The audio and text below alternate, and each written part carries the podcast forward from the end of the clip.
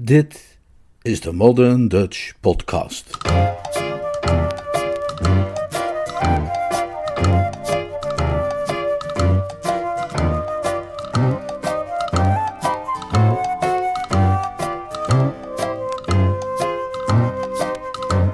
Jill the Musical.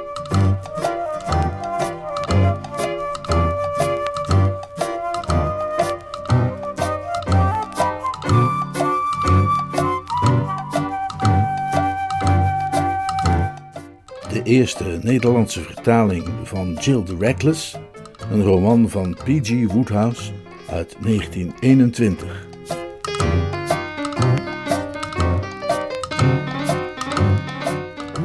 Vertaald en voorgelezen door Leonard Beuger.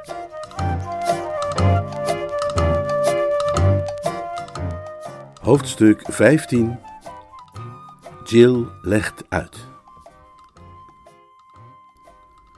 De lobby van Hotel Cosmopolis is het exacte middelpunt van New York. De plek waar je op bepaalde momenten absoluut iedereen tegenkomt die je kent. De eerste die Nelly en Freddy zagen toen ze door de klapdeuren naar binnen gingen, was Jill. Ze zat op de stoel bij de grote pilaar in het midden van de hal. Hé hey daar, zei Freddy, zit je op iemand te wachten? Hallo Freddy, ja, ik wacht op Wally Mason. Ik heb vanmorgen een briefje van hem gekregen met het voorstel dat we elkaar hier zouden zien. Ik ben een beetje vroeg. Trouwens, ik heb je nog niet gefeliciteerd. Je bent geweldig. Bedankt, beste meid. Onze jonge held maakt inderdaad behoorlijk forse stappen in het beroep van zijn keuze, ja toch? Mr. Rook, die heel eenvoudig lijkt te zijn gebleven en niet bedorven door zijn succes, antwoordde op de vraag van onze verslaggever met betrekking tot zijn toekomstplannen dat hij van plan was, thans allereerst de grillroom te betreden en voor zo'n 18 dollar aan lunch naar binnen te slaan. Een verheugende exceptie voor een kerel die al zijn geld is kwijtgeraakt. Jill was verbaasd te zien hoe de laatste der Rooks zijn gezicht verwrong op een afgrijselijke manier die haar een poging leek tot een veelbetekenende knipoog. Braaf gaf ze gehoor aan dat signaal, al begreep ze niet hoe het zat. Oh, zeker, antwoordde ze. Freddy leek dankbaar. Met een hartelijk cheerio leidde hij Nelly de grillroom binnen. Ik wist niet dat Jill Mr. Mason kende, zei Nelly terwijl ze aan een tafeltje gingen zitten. Niet? Zei Freddy afwezig, terwijl hij met een geroutineerd oog de menukaart doornam.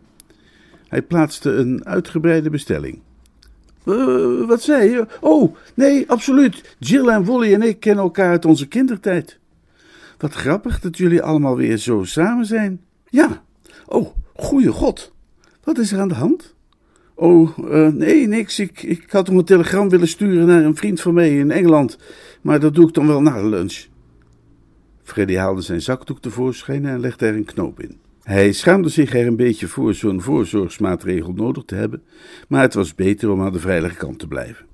Zijn gesprek met Jill in het theater had hem ervan overtuigd dat hij maar één ding kon doen, en dat was die arme, brave Dirk per telegram te melden dat hij de naderende verkiezingen en al het andere beter kon vergeten en dadelijk naar Amerika moest komen. Hij wist dat hij zelf nooit de moed zou hebben om de kwestie opnieuw met Jill op te nemen. Als ambassadeur was hij een hopeloze mislukking. Dirk was de enige die Jill zou kunnen losweken uit haar stemming van onhandelbaarheid. Freddy was ervan overtuigd dat, als ze hem persoonlijk zou zien, ze zou smelten en hem in zijn armen zou vallen. Het was toch te gek, vond Freddy, dat twee harten die elkander beminden op deze manier van elkaar gescheiden bleven en al dat soort dingen meer.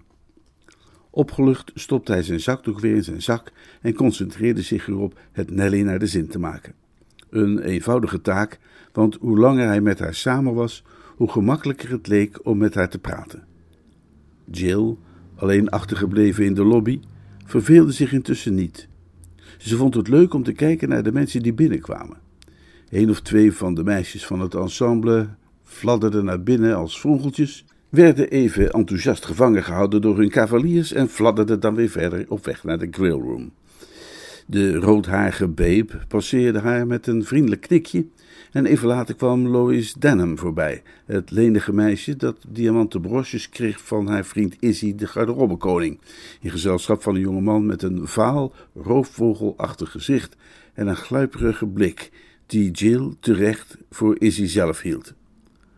Lois zag er bleek en statig uit, en uit de weinige woorden die Jill ter oren kwamen toen ze haar voorbij liepen, viel op te maken dat ze geïrriteerd was omdat ze had moeten wachten. Onmiddellijk daarna vlogen de klapdeuren wat heftiger open dan gewoonlijk en kwam Mr. Goebel in zicht.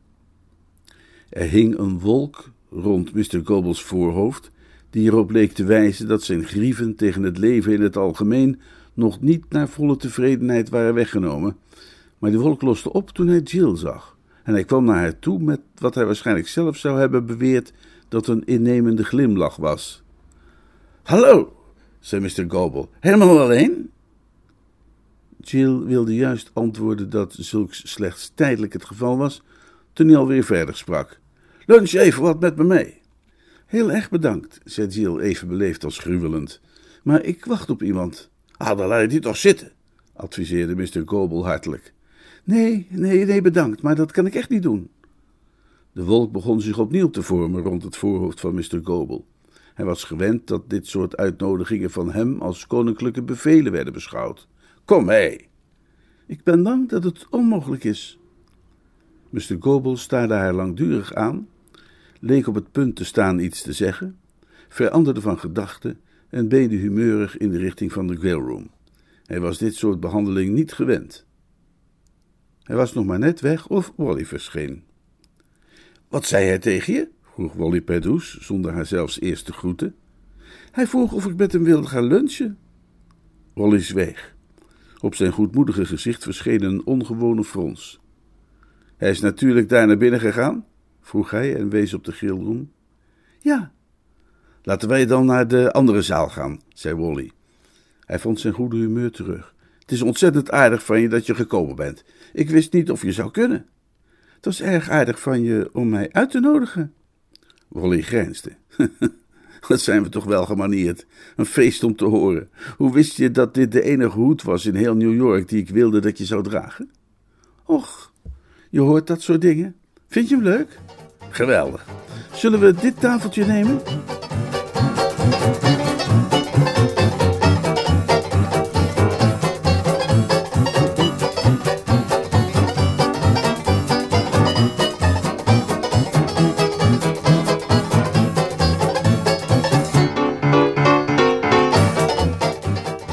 Gingen zitten.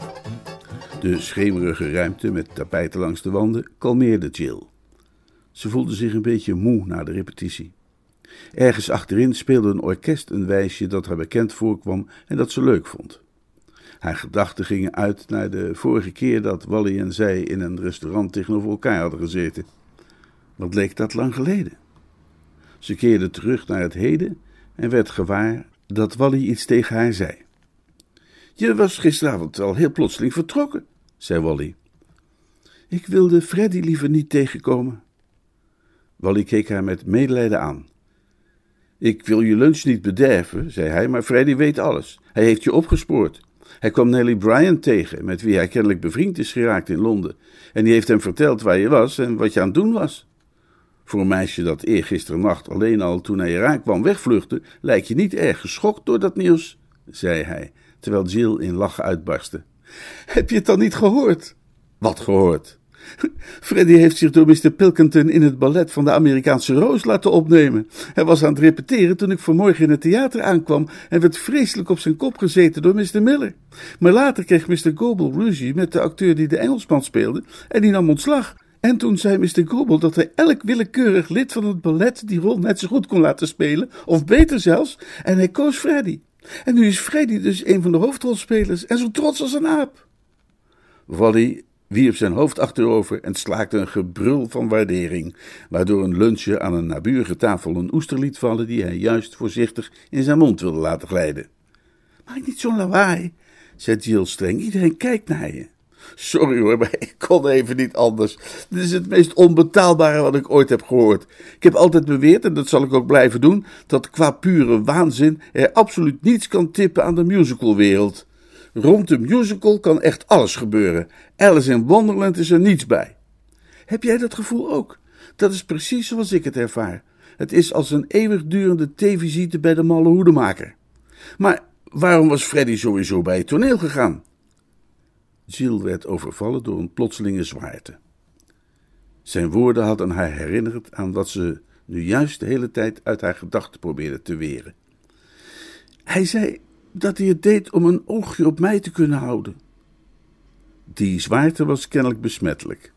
Wallis glimlach verdween. Ook hij was weer verstrikt geraakt in onplezierige gedachten. Wally kruimelde met zijn broodje.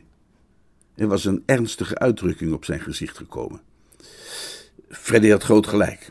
Eh, ik had niet gedacht dat hij zo verstandig was. Freddy had helemaal geen gelijk, viel Jill uit. De herinnering aan haar gesprek met die prominente artiest was nog steeds voldoende om haar onafhankelijke inborst in vuur en vlam te zetten. Ik ben geen klein kind. Ik kan best voor mezelf zorgen. Wat ik doe is mijn eigen zaak. Ik ben bang dat er meer mensen zijn die zich jouw zaak aantrekken. Ik trek me die ook aan. Ik vind het ook niet leuk dat je op het toneel staat. Eh, schop me dan nu maar. Hm, het is erg aardig van je om je druk te maken over mij. Ik zei schop me maar. Ik zei niet doe nu maar ijzig. Ik matig me de vrijheid aan van een oude vriend die ooit nog wormen in je nek heeft laten glijden en ik herhaal, ik vind het niet leuk dat je op het toneel staat. Ik had niet gedacht dat je zo zou reageren. Jill zocht naar een vernietigend bijvoeglijk naamwoord. Zo hoog Victoriaans. Als het om jou gaat, ben ik de hoogste Victoriaan die er bestaat. Mijn vrienden noemen me Vicky. Wally trotseerde haar verontwaardigde blik. Ik vind het niet leuk dat je op het toneel staat. Vooral niet in een gezelschap waar Ike Gobel de baas van is. Waarom speciaal Mr. Gobel? Omdat hij niet het soort man is met wie je zou moeten omgaan. Wat een onzin. Dat is helemaal geen onzin. Ik neem aan dat je wel eens iets hebt gelezen over de moraal van theaterproducenten. Ja, en dat leek overdreven en dwaas. Klopt. Met de meeste van hen is niets mis. In het algemeen zijn het heel fatsoenlijke kerels, buitengewoon fatsoenlijk zelfs, als je denkt aan de positie waarin ze zich bevinden. Ik zal niet zeggen dat er op zakelijk vlak veel dingen zijn die ze niet proberen je door de neus te boren, want als het om zaken gaat, is in de theaterwereld alles geoorloofd behalve bijten en ogen uitsteken. Er is geen wet van mens of God die geldt ten noorden van de 53ste graad. Als je dat citaat verandert in ten noorden van de 41ste straat, klinkt dat minder goed, maar het is net zo waar. Misschien is het nauwkeuriger om te zeggen dat de gulden regel der naaste liefde daar is opgeschort. Je raakt eraan gewend als je een tijdje in het theater gewerkt hebt en eh, behalve dan dat je je horloge en je portemonnee thuis laat als je bij een producent langs moet en dat je altijd je gezicht daaraan toegedraaid houdt zodat je er niet vandoor kan gaan met je achterste boordenknoopje, let je er verder niet meer op. Het is allemaal een spel. Als een producer of een uh, impresario je belazert, heeft hij die ronde gewonnen en pakt hij de eer. Als jij hem te slim af bent, sta jij weer een punt voor. In geen van de twee gevallen heeft dat enig gevolg voor de onderlinge relatie. Jij blijft hem bij zijn voornaam noemen en hij geeft je een paar sigaren uit zijn borstzakje en zegt dat je een beste knul bent. Het is nooit iets persoonlijks. Waarschijnlijk heeft hij dezelfde ochtend zijn beste vriend een paar duizend dollar lichter gemaakt, maar na de ter aardebestelling zie je ze zo vrolijk als maar kan samen lunchen. Je moet die theaterproducenten een hoop vergeven. Ze zijn slachtoffers van de erfelijkheid. Wanneer een inbreker trouwt met een meisje van de garderobe, gaat hun nageslacht automatisch de theaterwereld in en hij kan, wat hij als kind geleerd heeft op zijn vaders knie, niet van zich afschudden. Maar wat de moraal betreft. Wally onderbrak zichzelf een moment om de ober gelegenheid te geven hem een gebakken tongetje te serveren. Obers kiezen altijd het moment uit waarop we het meest op dreef zijn in ons verhaal om zich op te dringen. Maar wat de moraal betreft, hernam Wally, dat is een andere zaak. De meeste producenten zijn respectabele mannen van middelbare leeftijd, die een vrouw hebben en een gezin. Ze zijn in de theaterbusiness om geld te verdienen en verder niks. De meisjes in hun gezelschappen zijn voor hen gewoon personeel. Niets anders dan benodigde hulpmiddelen om het geld binnen te brengen. Er zijn er misschien een paar bij waar ze wel eens mee hebben gepraat, maar onze vriendelijke vriend Ike is zo niet. Wally at een hap van zijn vis. Ike Gobel is een foute man. Hij zit aan je. Hij is een gluiper, een gluurder en een loerder. Hij is een rat en een worm. Hij is dik en week en vatsig. Hij heeft een vettige ziel en een verschrompeld hart en schelvisogen. Ik wil niks lelijks van hem zeggen natuurlijk, voegde Wally er grootmoedig aan toe. Het is ver van mij om iemand te willen afkraken, Maar ook als ik met het opperste respect over hem spreek en hem in het meest gunstige licht bezie, blijft hij een kruising tussen een straatkat en het gedierte dat je ziet als je een platte steen omkeert. En dat zijn zo de redenen waarom ik het niet leuk vind dat je deel uitmaakt van zijn gezelschap. Jill had met een zeker ongemak naar zijn tirade geluisterd.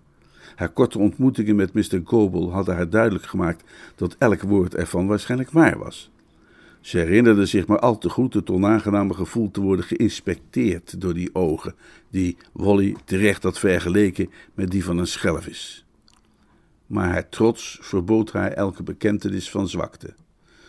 Ik kan wel voor mezelf zorgen, zei ze. Nee, daar twijfel ik niet aan, zei Wally. En dat zou ook best lukken als je in een modderige vijver viel. Maar ik zou niet graag op de oever blijven staan toekijken hoe je dat deed. Ik weet wat meisjes van het ballet moeten doormaken.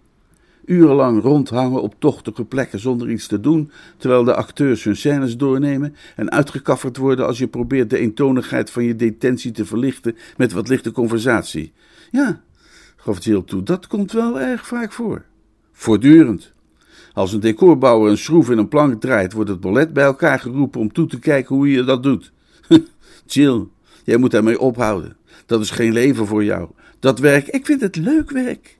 Omdat het nieuw is misschien. Maar Jill onderbrak hem fel. Maar jij kunt dat ook niet begrijpen, riep ze uit. Ik, ik kan niet zonder dat werk. Ik heb het nodig. Ik wil iets te doen hebben. Iets om mijn geest mee bezig te houden. Ik wil er eigenlijk niet over praten, maar je weet hoe het mij gesteld is. Freddy heeft je dat vast verteld.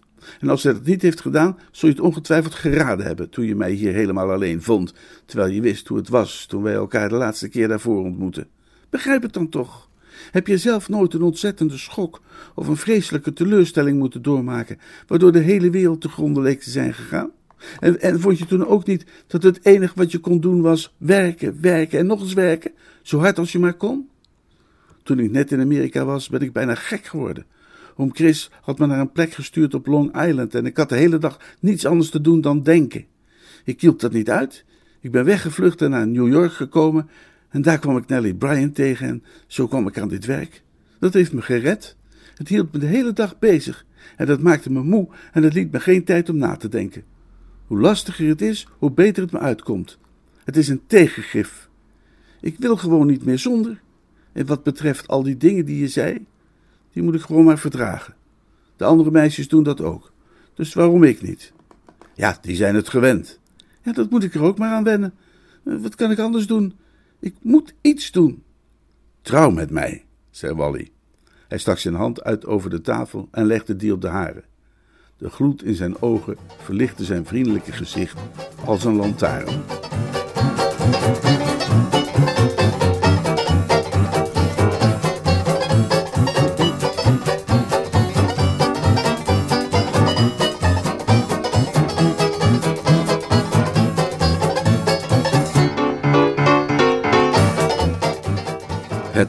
Onverwachte ervan deed Jill geschrokken zwijgen. Ze griste haar hand weg en schoof naar achteren op haar stoel, terwijl ze hem overrompeld aankeek. Ze was zich op een warrige manier bewust van een mengelmoes aan geluid. Mensen die praten, mensen die lachten, het orkest dat een levendig deuntje speelde. Al haar zintuigen leken plotseling scherper te zijn geworden. Ze was zich intens bewust van allerlei kleine details toen, plotseling, verdichtte de hele wereld zich tot twee ogen die strak op de haren waren gevestigd. Dwingende ogen, wier blik ze ontdaan probeerde te ontwijken. Ze draaide haar hoofd weg en keek het restaurant door. Het leek onmogelijk dat al die mensen die zich kalmpjes concentreerden op hun eten en wat ze met elkaar te bespreken hadden, haar nu niet allemaal zaten aan te staren en zich afvroegen wat ze ging zeggen. Dat ze elkaar niet aanstoten en speculeerden wat het ging worden. Hun afstandelijkheid maakte dat ze zich alleen en hulpeloos voelde. Ze betekende niets voor hen en het kon ze niet schelen wat er met haar gebeurde, net zoals ze niets betekend had voor die bevroren moerassen bij Brookport. Ze was alleen in een onverschillige wereld, met haar eigen problemen die ze zelf moest zien op te lossen. Jill was ook door andere mannen wel eens ten huwelijk gevraagd, zeker een keer of tien zelfs, in huizen op het platteland en op dansavonden in Londen, voordat ze Derek Underhill had ontmoet en verliefd op hem was geworden. maar al haar ervaring op dat punt had haar niet kunnen voorbereiden op Wally. Die andere had haar steeds de tijd gegeven haar krachten te verzamelen, zich erop in te stellen en haar antwoord vast bedachtzaam af te wegen.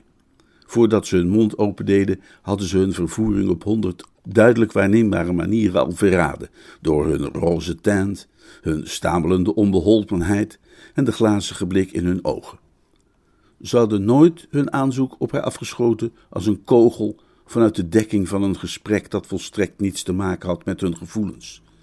Maar nu de schok ervan langzaam wegebde, begon ze zich alsnog voortekenen te herinneren die ze zou moeten hebben opgemerkt. Uitspraken die haar hadden moeten waarschuwen. Wally! snokte ze. Ze merkte dat hij haar op een volstrekt andere manier had weten te raken dan het ongelukkige tiental uit haar Londense dagen. Hij leek er meer toe te doen, belangrijker te zijn, of misschien, hoewel ze innerlijk tegen dat woord protesteerde, gevaarlijker. Laat mij je uit dat alles weghalen. Je bent niet geschikt voor dit soort van leven. Ik kan het niet verdragen te zien hoe jij. Jill boog zich naar hem toe en raakte zijn hand aan. Hij reageerde alsof hij zich gebrand had. Zijn keelspieren haperden. Wally, het is. Ze zweeg even om het juiste woord te zoeken. Sympathiek was helemaal fout. Dat zou te nuchter en onpersoonlijk klinken. En, lief was iets waarvan ze zich kon voorstellen dat Lois Denham dat tegen haar vriend Izzy zou zeggen. Ze begon haar zin opnieuw. Je bent een schat om dat te zeggen, maar. Wally lachte gesmoord. Denk je dat ik dat uit altruïsme zei? Nee, zo is het niet. Ik ben net zo zelfzuchtig en egocentrisch als ieder ander die iets heel graag wil. Ik ben zo altruïstisch als een kind dat huilt om de maan. Ik wil dat je met me trouwt omdat ik van je hou, omdat er nooit zo iemand is geweest zoals jij, omdat je de hele wereld voor mij bent, omdat ik altijd van jou heb gehouden. Al twaalf jaar droom ik van jou, denk ik aan jou, heb ik me afgevraagd waar je was, wat je deed, hoe je eruit zag. Ik heb altijd gedacht dat het alleen iets sentimenteels was, dat jij symbool stond voor een tijd in mijn leven waarin ik gelukkiger was dan ik sindsdien ooit ben geweest. Ik heb altijd gedacht dat je niet meer dan een soort haakje was waaraan ik de aangenaamste nostalgische gedachtenissen ophing rond een tijd die nooit meer terug kon komen. Je was een herinnering die alle andere herinneringen aan de beste tijd van mijn leven leek te personifiëren. Je heerste als een godin over mijn oude associaties. Maar toen kwam ik je tegen in Londen en opeens was het heel anders. Ik wilde jou. Jou. Niet omdat je me herinnerde aan dagen uit het verleden en hoorde bij een gelukkige tijd die lang voorbij was. Ik wilde jou. Ik wist meteen dat ik van je hield toen je me aansprak in het theater die avond van de brand. Ik hield van je stem en je ogen en je glimlach en je moed. Maar toen vertelde je me dat je verloofd was. Dat had ik kunnen verwachten, maar ik kon het niet voorkomen mijn jaloezie te laten blijken en daar heb je me terecht voor afgestraft. Maar nu, nu is alles anders. Alles is anders behalve mijn liefde voor jou.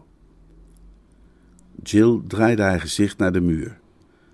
Een man aan het tafeltje naast hen, een corpulente kerel met een rood gezicht, zat naar hen te staren. Hij had niets kunnen horen van wat er gezegd werd, want Wally had met gedempte stem gesproken, maar hij was zich er duidelijk van bewust dat er aan hun tafel iets interessanters aan de hand was dan aan een van de andere tafels, en hij keek toe met een runderachtige nieuwsgierigheid die Jill woedend maakte. Een ogenblik daarvoor had ze de onverschilligheid van de wereld om haar heen vervloekt, maar nu voelde deze ene starende man voor haar alsof er een menigte toekeek. Er stonden tranen in haar ogen en ze wist zeker dat de man met het rode gezicht dat doorhad. Wally? Haar stem brak. Het is onmogelijk. Waarom? Waarom, Jill? Omdat. Oh, nou, het is onmogelijk. Er viel een stilte. Omdat hij scheen moeite te hebben met spreken. Uh, vanwege Underhill? Jill knikte. Ze voelde zich ellendig. Dat haar omgeving hier zo helemaal niet bijpaste, benauwde haar. Het orkest was in een swingend nummer losgebarsten, waardoor haar voet ondanks haarzelf begon mee te tikken. Aan een tafeltje vlakbij zat iemand te gillen van het lachen. Twee obers bij een dientafel stonden zo dichtbij dat ze flarden van hun gesprek kon opvangen. Ze stonden te ruzieën over een bestelling van gebakken aardappels. Opnieuw sloeg haar gevoelens om en walgde ze van de onverschilligheid van de wereld om haar heen. Haar hart deed pijn voor Wally. Ze kon hem niet aankijken, maar ze wist precies wat ze zou zien als ze het wel deed. Een paar eerlijke, smekende ogen die haar gezicht afspeurden naar iets dat zij hem niet kon geven. Ja, zei ze. Hun tafeltje kraakte. Wally leunde verder naar voren, heel groot en zielig, als een grote hond waar iets mis mee is. Ze vond het vreselijk om hem pijn te moeten doen. En de hele tijd tikte haar voet het swingende ritme van het dansnummer mee. Maar je kunt niet je hele leven met een herinnering leven, zei Wally. Jill draaide haar gezicht weer naar hem toe en keek hem aan. Zijn ogen leken op haar af te springen en ze zagen er precies zo uit als ze zich had voorgesteld. Je begrijpt het niet, zei ze vriendelijk. Je begrijpt het niet. Maar het is afgelopen, het is uit. Jill schudde haar hoofd. Je kunt niet nog steeds van hem houden, na wat er is gebeurd. Ja, weet het niet, zei Jill ongelukkig. De woorden leken Wally net zo te verbijsteren als ze Freddy hadden gedaan. Je weet het niet? Jill kneep haar ogen stijf dicht. Wally huiverde. Het was een kunstje dat ze als kind ook altijd had gedaan. Als ze het niet meer wist, kneep ze haar ogen stijf dicht, als om zich in zichzelf op te sluiten. Heel even niet zeggen, Wally, zei ze. Ik wil nadenken. Ze deed haar ogen weer open. Het zit zo, zei ze. Hij had haar al wel honderd keer op precies diezelfde manier naar hem zien kijken. Ik denk niet dat ik het je echt kan laten begrijpen, maar dit is hoe het is. Stel dat je een kamer had vol met spullen, meubels, en er was helemaal geen ruimte meer over. Dan kon je niet iets anders inzetten voordat je er eerst dat allemaal uit had. Die, die oude spullen waren misschien niks meer waard, daar had je niks meer aan, maar ze zouden er nog steeds staan en alle ruimte in beslag nemen. Wally knikte. Ja, zei hij, ik snap wat je bedoelt. Mijn hart is vol, Wally, lieverd. Ik weet dat het alleen maar rommel is, die de hele boel verstopt, maar die is er zo moeilijk uit te krijgen. Het kost tijd om die op te ruimen. Ik dacht dat het schitterende meubels waren die ik erin zette, de mooiste van de hele wereld. Maar dat bleek niet zo te zijn. Het was gewoon oude rommel. Maar ja, het staat er, nog steeds, de hele tijd. En wat moet ik nu doen? Het orkest speelde een slotakkoord en zweeg. De plotselinge stilte leek een betovering te verbreken. De wereld drong weer door tot de bubbel waarin ze zaten. Een druk, kwebbelend gezelschap van jonge mannen en vrouwen liep rakelings langs hen heen. De ober, die oordeelde dat ze er nu wel lang genoeg hadden gezeten, legde een strookje papier, keurig ondersteboven, voor Wally neer. Wally betaalde en de ober liep weg om wisselgeld te halen. Wally wendde zich tot Jill. Goed, zei hij, ik begrijp het. Het is allemaal niet gebeurd en we zijn gewoon goede vrienden, zoals hiervoor. Ja, prima, maar. Hij forceerde een lach. Let op mijn woorden. Er komt misschien een tijd en dan. Dat weet ik niet, zei Jill. Er komt misschien een tijd, herhaalde Wally. Laat me dat in ieder geval denken. Ik ga daar verder niet over. Dat, dat is aan jou om te beslissen, absoluut. Ik ga jou niet achtervolgen met aanzoeken. Maar als je ooit die kamer van jou leeg krijgt, hoef je geen bordje te huur op te hangen. Ik, eh, ik wacht gewoon af en jij weet waar je me vinden kunt. En in de tussentijd staat Wallace Mason geheel tot uw orders. Duidelijk zo? Volkomen duidelijk. Jill keek hem liefhebbend aan. Ik hou die kamer voor niemand liever gereed dan voor jou, Wally, dat, dat weet je. Is dat de plechtige waarheid? Dat is de plechtige waarheid.